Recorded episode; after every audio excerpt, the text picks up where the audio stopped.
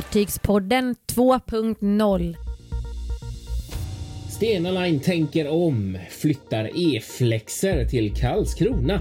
Kryssningssäsongen i Stockholm har dragit igång. Och Aida Cosma döpt i Hamburg.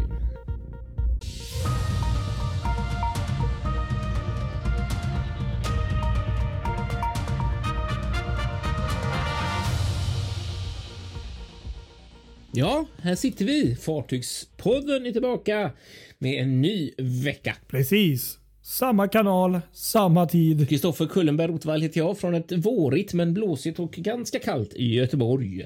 Heter jag Patrik Leinell från ett eh, relativt soligt Stockholmsområde men också även här en del blåst och lite kallare vindar. Men eh, kanske, kanske kan denna våren titta in snart. Ja, vi hoppas ju det. Precis, exakt. Veckans fartyg. Ja, och vi har ju då veckans fartyg här. Eh, att börja med i veckan, här, veckans, först, veckans avsnitt. Och eh, det är inte mindre än eh, World, of, World Odyssey säger man. Eh, Just det. Som ju faktiskt dessutom eh, innebär, har varit, det är ju start, första fartyget som kommer till Stockholm på årets kryssningssäsong som har varit det nu. Eh, det kom väl igår lördags va? Idag söndag. Eller var det idag söndag till och med? Aha, till och med idag. Precis just det. Och sen skulle det väl ligga ett par dagar vill jag minnas. Ja, det är fyra dagar här enligt, eh, enligt eh, Stockholms hamnars egna uppgifter här. Just det, precis exakt, exakt. Och det här är lite kul för att det här är ju inget vanligt kryssningsfartyg Nej. faktiskt. Eller rättare sagt, just nu är det inget vanligt kryssningsfartyg. Men vissa delar av året är det ett vanligt kryssningsfartyg. Men inte just nu. Eh, det här fartyget är lite speciellt för det går ju även under namnet Deutschland. Eh, men bara under sommartid. För under eh, vinterhalvåret eller vad man ska säga. Eh, mellan eh, april till september vill jag minnas att det var. Så heter fartyget World Odyssey. Ehm, och det här beror ju faktiskt då för att det här är ju då ett fartyg som eh, som eh, går för en amerikansk organisation som heter Semester at Sea Okay som genomför ett sånt här eh, utbildningsprogram för studenter ombord eh, på fartyget och det gör man då under eh, under under de här månaderna september till april helt enkelt. Häftigt. Det hade jag ingen aning om faktiskt. Ja, jo, faktiskt precis. Det här är, ägs ju då av det här tyska Peter Dillman Cruises. Eh, eller det är rättare sagt de som driver det sådär. Och eh, det är ju ett väldigt fint kryssningsfartyg som liksom är inrett i 1920-tals stil. Eh, med väldigt hög klass och det är verkligen riktigt, riktigt fint det här fartyget. Men då från, från april varje år så, så byter man skepnad till Deutschland. Man byter namn och går för Phoenix Risen som det är nu då sedan 2015. Eh, och gör kryssningar ofta i våra vatten här omkring. Men när de går för som World Odyssey för semester at sea så går de ju runt hela världen verkligen. Eh, ofta med utgångs någon av de amerikanska hamnarna som utgångshamn då.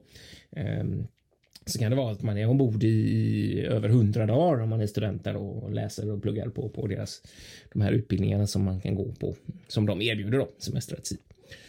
Så så funkar det med detta fartyget. Så det är lite kul så det kommer nog tillbaka till Stockholm fast med under ett annat namn senare under säsongen tyckte jag. Så. Ja, det är riktigt häftigt. Eh, Kul story där. Det hade jag faktiskt ingen aning om. Precis som du sa där. Den har en väldigt unik och eh, vacker utifrån det lilla jag har sett eh, interiör där. Eh, och det här fartyget är ju inte jättegammalt. Det är ju ett par år nu. Ja, det är väl från 98 tror jag. Men det är inte jättegammalt. Men den har ju en liten eh, äldre eh, ton liksom. Även när man tittar på den utifrån. Det ser ju inte ut som kanske just kryssningsfartyg från den tiden. Men, jag minns att jag såg bilder för ett par år sedan. Och det var ju väldigt så oj, ser den ut sådär där inne? Vad häftigt. Mm. Eh, Ja, så precis, väldigt exakt. eh, vackert fartyg på många sätt ty- tycker jag i alla fall.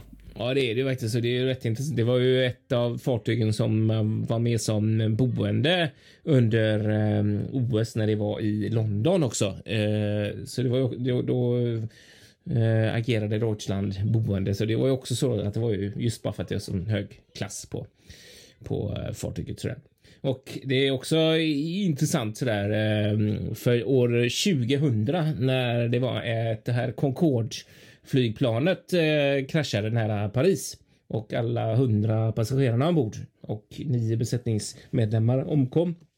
Så var det ett flygplan som var chartrat eh, på väg till till eh, till New York. Eller rättare sagt, ja precis, jag tror det var till New York. Till, till, de skulle ut på en 16 dagar lång kryssning med Deutschland, de här passagerarna som var ombord på, på det planet som kraschade.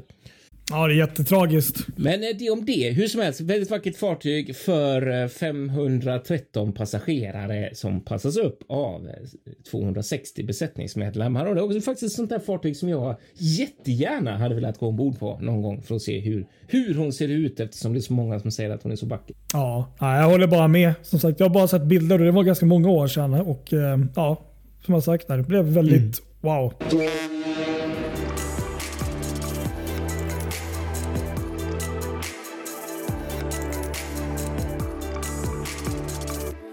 Fartygspoddens nyhetssnack. Men du eh, Patrik, det här är ju som sagt första anlöpet för säsongen i eh, Stockholm. Vad, vad, tror du? Blir det en eh, fin säsong hos dig? Eller hur ser det, det här är ju ganska egentligen? kul. Det är kul att du säger så också för jag vet att vi har ju faktiskt haft det lite på tapeten här tidigare. Och eh, mm. Det här mm. kan man ju faktiskt ta lite med hur nu man vill eh, välja att tolka det. då. För att det är ju officiellt. Säsongstart för säsongen egentligen. Men, ja. men som säkert många vet, en del i alla fall, så har vi ju faktiskt haft ett kryssningsfartyg. Åtminstone ett här, ett ja. expeditionskryssningsfartyg. Som har varit på besök mm. några gånger under både vintern och våren här. Ja, precis. Exakt. Jag vet att det har varit lite sådär, hmm, är det verkligen första? Men, men ja, ja, vi får ju ta det som Stockholms hamnar utgår ifrån och idag är det deras första officiella. Så, så att um, mm. det, då säger vi att det är så. Och det, det, det... Men det är så roligt det där faktiskt, för det känns ju verkligen så. Det är samma här i Göteborg att säsongerna, dels har höstsäsongen blivit längre så att den går ihop med de här vinteranlöpen som är ju inte mm. runt jul. Sen har inte vi haft speciellt många anlöp i januari, februari. Eh, det är väl egentligen då det inte kommer några anlöp. Men sen så är det anlöp nästan varenda månad under året så att det känns ju verkligen som att året växer ihop. Så att man kan inte riktigt kalla det för säsong längre utan det är, det är ett kryssningsår snarare. Ja, nej men precis. Nej, men det som, ut, ut, som egentligen väl är mest markant för kryssningssäsong det är väl att det är nu det liksom blir trafik på riktigt. Liksom. Det är väl det. Då. Men, mm. men som du mm. säger, säsongerna Exakt. har ju blivit längre och eh, Eh, ja, så. Jo, men eh, vi kan ju börja med att eh, Ja, det kommer nog bli ett riktigt fint år. Vi har ju haft två år där vi har faktiskt haft eh, speciellt TUI och Hapag Lloyd har vi haft bland annat på besök. Och det har inte varit jättemånga mm. fartyg på grund av pandemin. Så att det har varit ganska tomt överlag. Sådär. Eh, ja. Men nu i år så ser det faktiskt ut att vara tillbaka där vi började en gång i tidens begynnelse. Uh, vi snackade det. faktiskt om ett rekordår med jag tror var 300 någonting fartyg. Jag tror att siffran har möjligtvis kanske sjunkit lite då på grund av att uh, en del rederier har valt att skippa då. Eller ja, alla samtliga har ju skippat Sankt Petersburg men mm, också mm. dragit sig bort från uh, Östersjön helt. då. Men det. det. är tydligen då 230 inbokade kryssningsanlöp i Stockholm och Nynäshamn under 2022. Vilket ja. är ju ändå fantastiskt. Jag tror det var på 300 innan. Då. Och Det som har hänt är ju då att vissa av de här rederierna och fartygen kommer istället ligga eh, över natten i Stockholm då, bland annat. Just det, precis. Eh, vilket eh, mm. gagnar ju oss också. Då. Och eh, En del fartyg kommer mm. även ligga i Nynäshamn och även i Visby, då, Gotland. Um, mm. Så att, um, ja, nej, det ser lovande ut. Och Vi har väl um, en hel del eh, spännande anlöp här faktiskt i år. Eh, första anlöpet är ju idag då, 10 april med mm. World Odyssey. Mm. Inte helt oväntat kanske. Rederiet med flest anlöp. Kan du gissa vilket det är? Ja, men det måste ju vara Aida. Tror jag. Va? Ja. Det brukar ju vara Aida eller Costa, men Costa har ju försvunnit helt och hållet. Ja, de är helt borta. Det är väl därför den här siffran är lite lägre antar jag. För att det är många anlöp som har... Bland annat mm. så. Aida är då de rederiet med flest anlöp och det fartyget som gör flest anlöp är ju faktiskt också från Aida och det är Aida Diva. Mm. Ja, misstänkte det. Jag tänkte säga Aida Diva. Aida Diva eller Aida Mar är väl de som kommer att gå mycket här. Såg eh, Aida Mar kommer vi, vi har i alla fall i Göteborg, man får flika in, eh, säga att vi har ju stuckit upp lite grann från ett 50-tal till 70 inplanerade anlöp och sånt där tror jag. Just på grund av Aida Mar som har lagt eh, Göteborg som en av sina hamnar på deras Östersjökryssningar som är lite modifierad nu då med anledning av Sankt Petersburg. Just det. Um, nej men så att flitigaste besökaren är Aida Diva då. Men det fartyget mm. som gör flest turnarounds, vet du vilket fartyg det är? Då? Oh, vad kan det vara? Turnaround är alltså där man börjar kryssningen och slutar kryssningen där då folk oftast har en natt många gånger i, i staden innan de kryssar Men vidare. låt mig gissa på ett, för jag kan ändå tänka mig att det skulle kunna vara Voyager of the Seas, för de ska ju börja med, de ska göra turnarounds i Stockholm. Mm, just det, Royal Caribbean International där. Mm. Nej, det är det faktiskt inte. Det, det fartyget som gör flest turnarounds är faktiskt Viking Ocean Cruises. Ah, just det. Det tänkte jag skulle sagt också, men det sa jag aldrig. Nej. Så att de, de har flest turnarounds. Ser vi till störst i volym så är det då Norwegian Getaway med sina 145 655 bruttoton. Mm. Uh, så det är ju en bjässe. Och uh, när vi kollar på längd så är faktiskt det en, eh, en, en gammal sån här rekordhållare faktiskt. Gammal och gammal men sedan ett år, några, några år tillbaka. Och Det är då mm. MSC Preciosa som kommer tillbaka med sina 333 meter. Eh, som då, mm. Imponerande. Ja, det, är, det är alltså mot eh, Norwegian Getaways 326 så det är 7 meter längre. Så mm, där har mm, de mm. rekordet fortfarande. Och minst mätt i volym är då lilla söta Clio. Ah, just det. 3504 bruttoton. och kan du då namnet på det absolut kortaste fartyget som kommer till Stockholm? Det här är ett fartyg du faktiskt det har hälsat på. Det kan jag faktiskt, för det vet jag att jag såg. Eh, och det är lite roligt för det är ju faktiskt eh, det svenska rederiet i sammanhanget. Eh, vi har ju Hebradian Sky. Stämmer bra det. 90 meter. Ja, exakt. Salén Cruise, vad heter de? Salén Ship Management om man ska vara helt eh, korrekt med, med deras eh, eh, reseagent Nobel Caledonia. Yes. Um, ja, riktigt kul. Jag ser verkligen fram emot säsongen som ju blir lite annorlunda eh, i år igen, fast av lite andra skäl. Precis, Så, precis. Faktiskt. Nej, men det kommer bli kul. Ja, ska vi snacka lite om Stena Line här nu? Ja, det här var ju en stor nyhet. Mm. Jag måste erkänna att jag blev ju lite besviken, men, men det, var, det var jag. Ja, det blev det. Ja, precis exakt. Ja, mig rör det inte riktigt lika Nej. mycket eh, så säger jag i och med att jag är från andra ja. kusten. Men det var ju alltså så här att Stena Line eh, presenterade i veckan att de tänker om mer eller mindre när det gäller deras förlängda E-flexer färjor som de tidigare annonserat ska gå till Östersjön och då har de ju sagt att de två ska sättas in i, eh, i trafiken eh, mellan Nynäshamn och Ventspils. Men så blir det faktiskt Nej. inte, utan nu har man valt att sätta dem istället mellan Karlskrona och Gdynia eh, med den första färjan från och med juli och den andra i november. Och det här är så spännande på jättemånga sätt. För det första så blir det, innebär det då att Stena Scandica och Baltica blir kvar på den här linjen då i eh, Norvik. Det händer inget nytt Nej, där. precis. Eh, de skulle egentligen annars ha gått ner till eh, Karlskrona. Var ju tanken där och gått på Gdynia-linjen, men så Nej. inte. Och det orsaken till detta kan vi ta först. Det är för att man sett en snabbt ökande efterfrågan på, på frakt, alltså på fraktvolymer, ökade fraktvolymer i södra Östersjön, just på Polenlinjen då. Och det är ju faktiskt så om man jämför de här eh, Scandica eh, och E-flexer klassen som vi inte riktigt vet vad de ska heta ännu så skiljer det lite grann. För eh, Scandica och min syster har 2875 filmeter Eh, medans de här nya då kommer ha 3600. Okej, okay, ja det är ganska mycket mer. Mm, så det är lite mer och så passagerarmässigt så, så kommer de här E-flexarna ha kapacitet för 1200 och Scandica Baltica kan, kan ta 970 så även där är det lite större då. Så att eh, ja, nej, det är väl efterfrågan som har styrt det här då och eh, det visar ju sig också här egentligen då Stena E-flexer konceptet här att de är anpassningsbara och flexibla och kan byta linje De är Ja. flexibla ja. Precis. Och, men, men det är så mycket som är intressant med detta. Men för det första då, två saker vill jag säga. Eh, ett är ju då eh, frågan som återstår som vi också har pratat om tidigare och det är vad som kommer hända med Stena Vision och Stena Spirit som går där idag. Eh, och det har vi inget svar på. Det vet vi faktiskt inte, även om det spekuleras hej vilt. Och det är ju många som, för det har ju Stena tidigare sagt att de två fartyg på linjen har man inte tänkt sig, utan man har tänkt sig tre till fyra färjor. Eh, så då är ju det intressant om det möjligtvis är så att man tänker låta Spirit och Vision och gå kvar.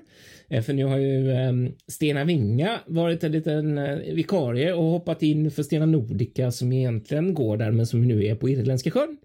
Eh, och ser ut att bli kvar där med tanke på vad som har hänt P&O för Stena Nordica har hoppat in där och fått eh, agera lite, ja, ta hand om lite den extra volymerna som har inneburit när P&O gjort som de har gjort. Eh, och Stena Vinga ska ju egentligen vara färjan mellan Göteborg och Fredrikshamn så att det, det, den ska ju inte gå där. Så att då är ju frågan om det faktiskt kan vara så att Stena Vision och Spirit blir kvar eh, med dessa två nybyggen då. Det är intressant. Det var del ett. Eh, sen det andra mest spännande är ju vad de här två nya kommer heta. Ja, Eh, och det vet vi inte heller, men jag såg Stena hade i ett Facebook-inlägg skrivit i alla fall att de uppmanade följarna att skriva eh, vad de tyckte var lämpliga namn och då skrev de att en sak är i alla fall klar och det är att namnen ska börja på E, precis Aha. som de andra fartygen i serien Stena, Estrid, Edda och Embla. Eh, som gör de första E-flexerfärgerna som har kommit till Stena Lines flotta. Och då är ju tanken att det ska bli samma här, att det blir E-namn. Så att något Stena E. Så får man fundera där vad det kan bli. ja, det är lite spännande. Är det någon Mm. namntävling då man kan skicka in eller är. Nej, Nej. jag tror inte riktigt. Jag, jag tolkar det inte som en Nej, namntävling det utan det var mer E. ett inlägg sådär. Att man kunde skriva, men det var liksom ingen formell namntävling på det sättet att man får vara med och och tävla om vad det Ja. kan bli. Men det, jag tänker ju att det är något i den här stilen som är lite som är lite linjeneutralt. För jag tror inte att de låser sig så egentligen som Scandica Baltica att det är något specifikt Nej, för Östersjön. utan det är dumt. något sånt där. Estrid, Edda, Embla. Eller, Eh, Estrella vill man nog inte ha för att det är för mycket chips. eller ska bara fartyget heta någonting? Yeah. Eh, Ett lopp ja, på bara jävla massor med en. Bara, Jaha. Ja, nej, men, Stena Easy och Stena... eh, vad sa du? Stena Ecstasy? vad sa du för något?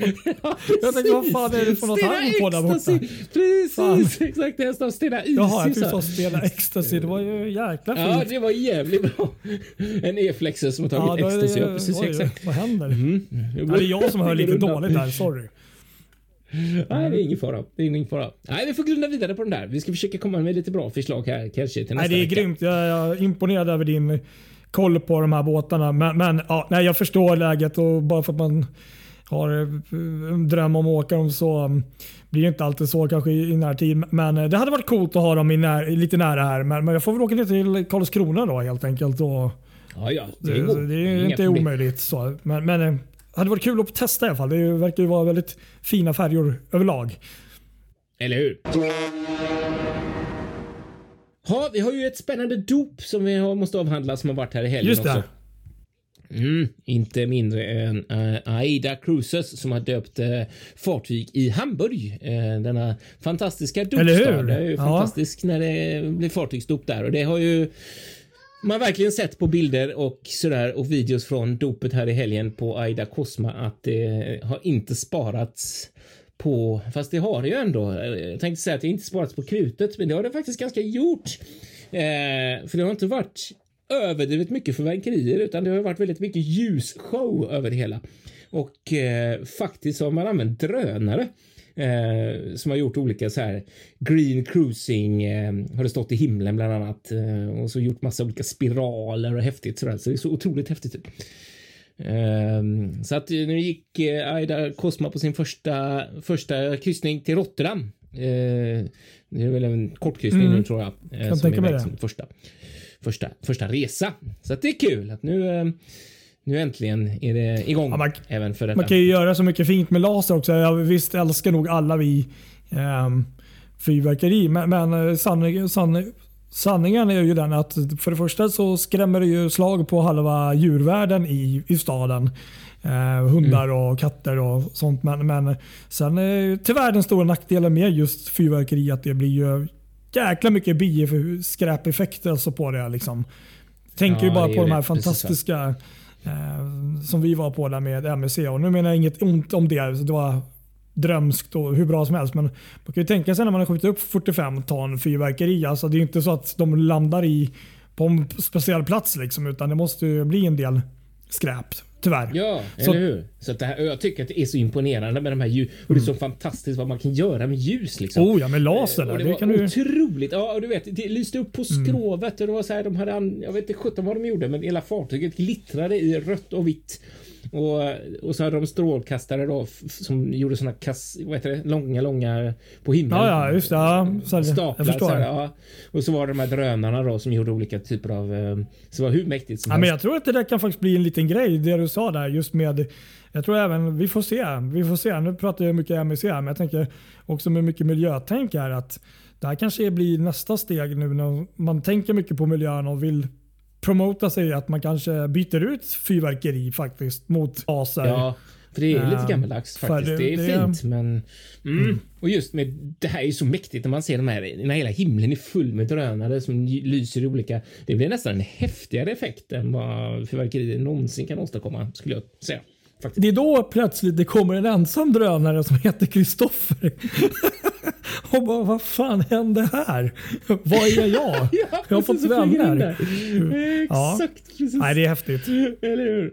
Mm, exakt, jag har fått.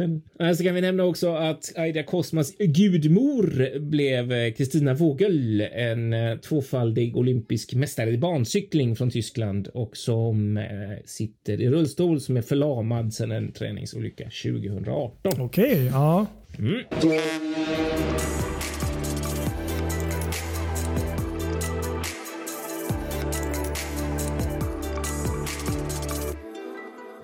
Fartygspodden Vi kan ju börja med bland annat och eh, eh, ta upp... Eh, det har ju varit dubbelt Royal Caribbean här. Ja, precis. Det höll vi på att glömma här nu. Precis. Ja, det, det, det, jag tänkte jag smälter in det lite snyggt här. Och det här var ju nästan så att jag höll på att missa det. Först och främst så har vi då den här helt nya Icon-klassen. Ja, i Åbo. Precis. Som eh, det är ju liksom, var, var det byggstart på den? Eller? Ja, precis. Exakt eh, kölsträckning där. Precis. Precis. Exakt. Och sen i samma veva, de gjorde en MEC där som de har gjort nu några gånger. Så här, haft dubbel eh, ceremoni i princip. Mm. På vissa fartyg, stop och sånt här. Och information.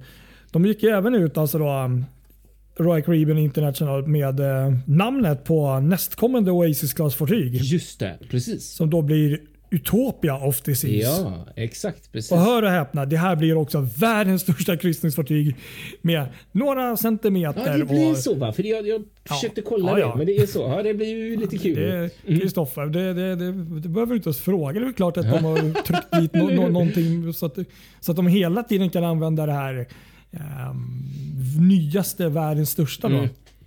Men det är häftigt och jag förstår dem. Och, ehm, så, men, men vad vet vi om dem? Jag tänkte säga den här fantastiska, vi såg ju båda du och jag, en helt fantastisk ehm, video. En, en liten um, walkthrough, en liten preview kan man säga av en kommande teknik. Ehm, jag snackar om en hytt här. Ja, precis. Just det. Var det på Icon eller var det på... Eh, det var ju så svårt att veta, för det där var ju en design... Ja, det var inte, det kanske inte ens var sagt Nej, vilket fartyg det var ju snarare hur man skulle i framtiden kunna Koncept, göra. ja. Där de hade liksom eh, Framförallt var det väl taket som var som en stor tv-skärm där man kunde liksom eh, anpassa det till vilken känsla man ville ha. Om man vill ha en stjärnhimmel eller en solnedgång in i hytten eller man bara vill ha mm, ja, vad man än ville ha. Ja, det var ju typ med golvet där. Det var, ja, vi, vi, fick ju, också. Ja, precis just vi fick ju se den här. Nu, nu ber jag om ursäkt ni som är Royal Caribbean inbitna och kan allt om alla. Eh, alltså, men, men det var väl en av de här um, personerna som har eh, hand om det här liksom, utvecklingen och tar fram de här nya koncepten med bolaget. Där, att, ehm, det var ju liksom de har ju haft sådana hytter med du vet, som en skärm liksom, som man kunde se ut förut. Men det här var ju liksom nästa steg. Det var ju liksom både dag, natt, eh, eftermiddag, liksom natt. Så, ja, det sa jag där. Eh, den här skärmen liksom på väggen blev ju som en, som en eh, nästan sån här oändlig liksom, balkonghytt. Du vet, så här, Ja. horisont. Men så kunde man även få det liksom upp i taket och även i golvet där. Och Man hörde fåglar och allting. Just det. Det var helt sinnessjukt. Det var Mm. ju, men som du säger, vi vet ju inte om det här blir till något av de här fartygen. Antagligen blir det säkert till något av dem. Men, men eh, det var nog det jag tog med mig nog mest nästan. Ja. Förutom att det är två coola nya fartyg och ny klass där. Men det som jag tyckte var häftigt var med eh, Stena Utopia, höll jag på att säga. Nej, men Utopia of the Seas. Eh, och det är ju att det här blir det första av Oasis-klassens fartyg som kommer att drivas med, med LNG. Ah, så var det. Bra där. Det Just är det. lite kul ju faktiskt att man eh, För- ja. satsar på den eh, tekniken även där då. Och, och sen vet vi ju inte riktigt hur det blir med Icon of the Seas. För det kan man ju bara räkna med att det blir. Det här kommer det ju verkligen satsas på miljöteknik, men om det är LNG, det, det vet jag faktiskt inte. Nej, det, det är faktiskt sant. Det vet vi nog inte än vad jag vet. Det, det är ju väldigt, eh, väldigt, mycket hemligmakeri bakom det här. Och det är ju, det är väldigt spännande också Mm. Det faktiskt. är det att, eh, faktiskt. Och det, det är ju roligt när det kommer. Det tror jag även du tycker att eh, det är jätteroligt när det byggs nya fartyg. Men, men, men, men eh, ibland så blir det ju så här massproduktion på vissa. Då. Så här är ju liksom en helt ny klass. Och det, det är Mm. ju alltid det är lite roligare när det är en helt ny klass. Det är det faktiskt. Precis, men det blir ju alltid lite speciellt så. Helt klart. Så att det, det ser vi verkligen fram emot. Ja, så eh, Icon of the Seas och ehm, eh, Utopia of the Seas. Då, det är två fartyg som vi får hålla ögonen på. Exakt så. Precis så. Precis så. Virgin Voyagers nyaste fartyg Resilient Lady har eh, gjort sin sista sea trial och eh, klarade det galant och det har gått jättebra. Och till sommaren är det då tanken att hon i augusti ska börja kryssa från Aten. Ah, ja. Mm. Fartyget byggs nu på S- Sestri Shipyard i Genua. Och det här innebär ju då att eh, Virgin Voyagers har nu tre fartyg till sommaren. Ah, precis. Scarlet Lady var ju först ut. Mm. Mm. Han knappt, jag tror det var en eller två visningar, sen bröt ju pandemin ut. Mm.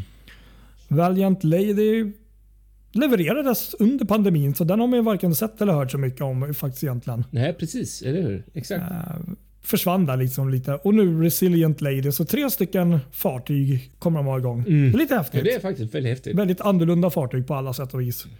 Ja, faktiskt. Det, det är det.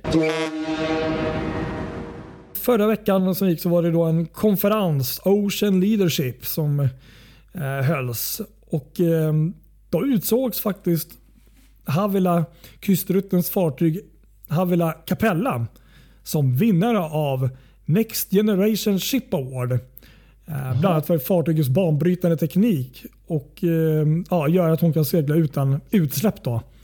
Och Då gick priset då till ett fartygsprojekt som visar då större framsteg och innovation inom fartygsdesign och energieffektivitet.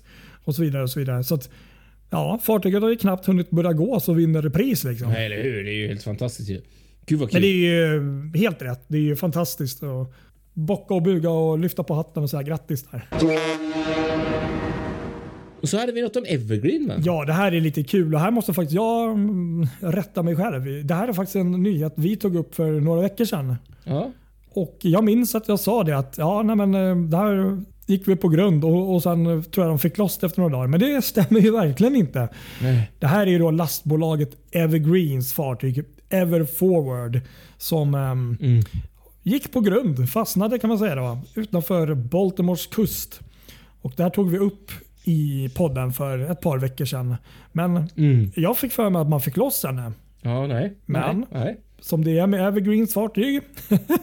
de är, Never forward. de, ja, precis. Ever Forward. Som, never Forward. Eh, nej, men lite tragiskt, lite ironiskt. Eh, nej, man har inte fått loss det. Och senast nu för några dagar sedan så eh, försökte man få loss henne. Och man använde liksom ända upp till fem boxerbåtar och man har varit runt henne och liksom, jag har sett bilder liksom använt stora så här rejäla jävla fartyg och, och liksom muddrat runt där. Men eh, det går inte. Enda fördelen Nej. nu mot, ehm, mot Evergreen som satt fast förra året är att det här fartyget stoppar inte upp direkt någon annan trafik. som, som, Nej, som, Ever, nej, som just det. Evergiven gjorde i Suezkanalen där som blev ju katastrofala förseningar för hundratals andra fartyg. Just det, precis. Så det är väl det som är fördelen här. Nej, men det som händer nu är att nu har man kommit fram till att eh, man måste lätta på, på, på lasten. Så att upp, uppemot 5000, det är helt sinnessjukt när man hör det, 5000 liksom containrar eh, tänkte man då lasta av och på så sätt lätta lasten och, och fartyget då för att på så sätt förhoppningsvis kunna dra loss fartyget. 25 dagar har hon suttit fast i där Ja, sitter. gud. Ja, det kan man ju inte fatta liksom. Så att, eh, ja, man kan ju bara tänka sig kostnaderna här också. Då. Eller hur? Verkligen. Ja, nej, Så, det... nej, jag är ledsen att säga det, men Evergreen, det, det, det, det går sådär. Men, men jag kan också tillägga, det var lite komiskt här, jag läste artikeln där att det här fartyget Everforward är ju bara två år gammalt. Ja, precis. Två år Så ett bara. nytt Ja, fartyg. man. Ja, Mm. och då har ju någon smart journalist räknat ut att det är ju faktiskt eh, då har ju fartyget suttit 3,5 procent av sitt nuvarande liv på grund. Ja. Jävlar. Ja. Ja. precis. Ja, det är kul att man kan räkna om det så. Ja, faktiskt. Det är rätt Mm. roligt. Så kan det gå. Nej, men förhoppningsvis så kommer det väl gå bättre när de lossar. ja, precis. Eller hur? Hoppas det. Vi håller tummarna. Sen kan vi ju berätta en glad nyhet att Swan Hellenic har namngett sitt tredje fartyg och det får namnet SH Diana. Just det, det är de, de som de bygger i Helsingfors där ja. Sen hade väl du kanske lite mer information. Det, det, vår, våran MS Romantikas där, hennes premiärtur där blev ju lite blev ju inte som man hade hoppats Nej, där. de hade lite bekymmer minst sagt. Eh, nya Norway, Norway, vad heter det? Norway Holland Lines. Mm, fick, eh, mm, ja, de fick en liten utmaning där när de skulle från eh, Kristiansand på första gången. De blev väldigt försenade. Och den här förseningen gjorde ju att de fick byta kajplats för att kajen där de skulle in, där skulle, eh, jag tror det var eh, Fjord Lines färja faktiskt skulle lägga till där. Så de var tvungna att lämna den och lägga till vid en temporär kaj i lasthamnen. Vilket gjorde att eh, det var inte lätt att lasta ombord de här stora husbilarna och sådär som bara några slog i marken och sådär för att det blev som brant lutning på rampen. Eh, Och det var massa bekymmer med att få ombord dem där och massa sådana här saker som gjorde att de blev väldigt många timmar försenade. Men fram kom de i alla fall. Och eh, så här kan det ju vara, även om det här var i och för sig kanske inte jättebra. Men eh, så här kan det ju vara när det är en nystart av saker och ting, att det, det händer problem. Eh, så vi får bara hoppas att, eh, att det blir bättre nu för dem, att de slipper sådana här. För det var rätt många som var lite irriterade och fått eh, massa fula skador på sina bilar. Liksom. Det kan jag förstå. Sen, sen har jag faktiskt läst en som har ingenting med förseningar att göra, men det, som har varit jättekul. Det är ju faktiskt, vi är ju mer vana med det här fartyget och systerfartyget. Men det är så roligt när man följer de olika eh, sådana här forum och sånt. Och det- man märker ändå spänningen och glädjen hos människor när det kommer ett för, det, för dem nytt fartyg. Ja. Så där. Så Mm. Det har varit jättekul att, att läsa och några som har tyckt, vad jag har förstått, att det är wow, det här är ju liksom bästa färjan på, på länge för dem. Mm. Ja, liksom. precis. Så precis, precis. det, det, sånt, sånt är ju roligt tycker jag. Mm, exakt, exakt.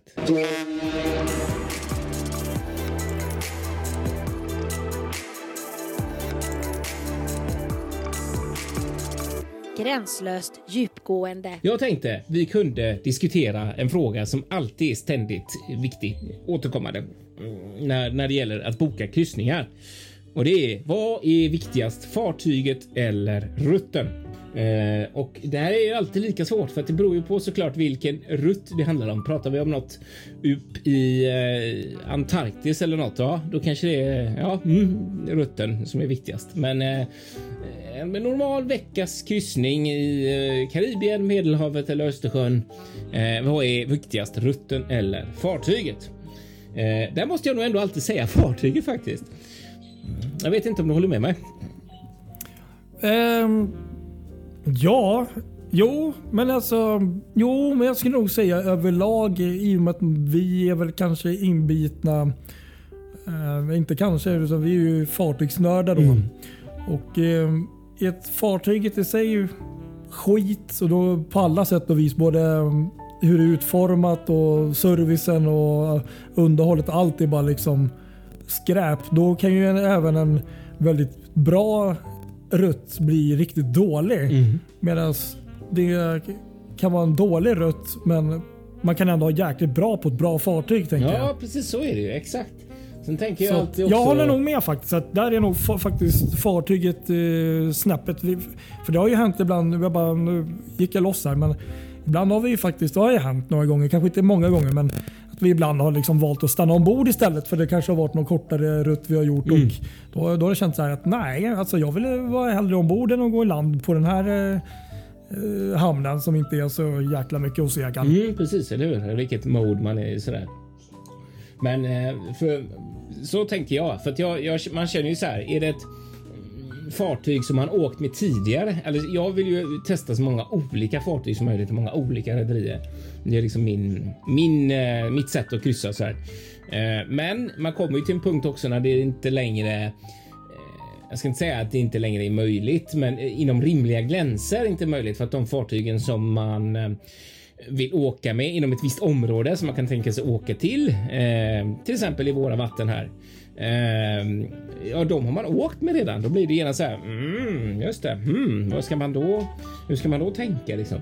Eh, för, för, för, och på det sättet så är ju fartyget väldigt viktigt, men sen så är ju rutten också såklart väldigt viktig. Vilka hamnar man kommer till. Men jag tänker framför allt på en kryssning. Skulle jag välja att kryssa i, vad blir det nu, västra medelhavet? Där är i stort sett alla kryssningar samma.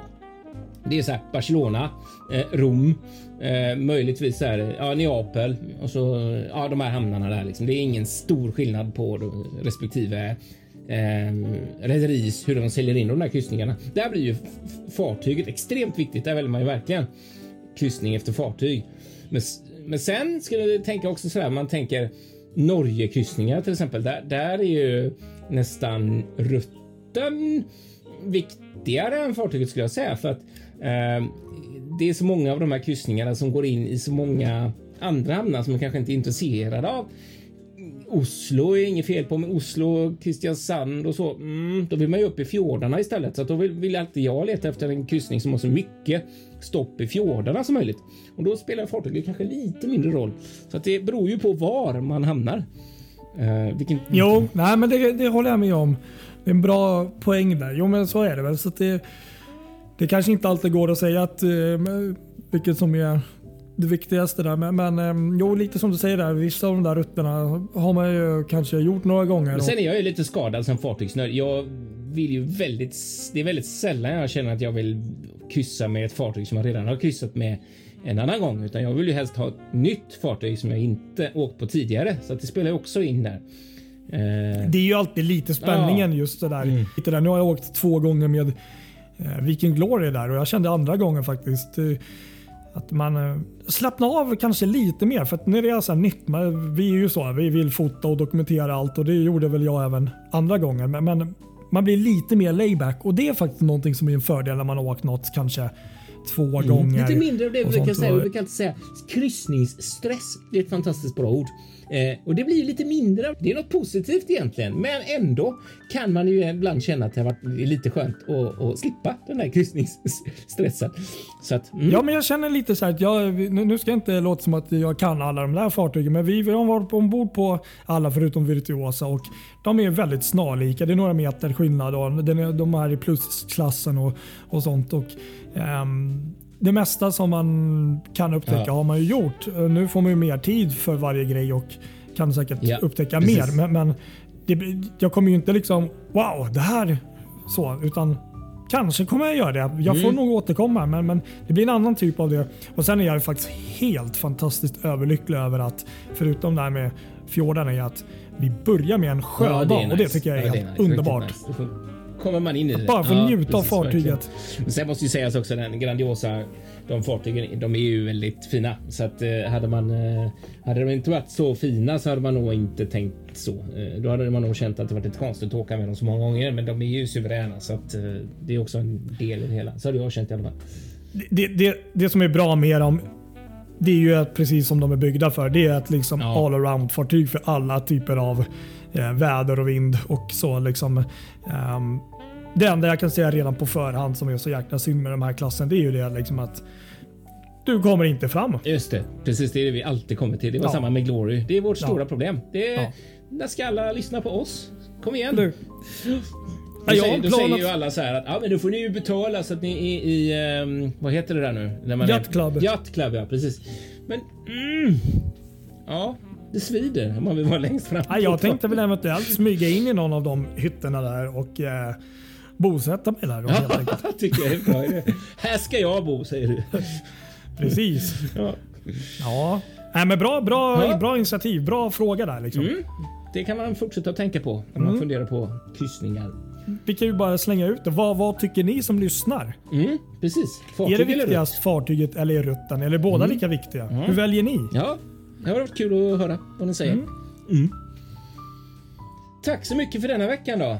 Och eh, Skönt att ni har lyssnat så här långt, ni som har gjort det.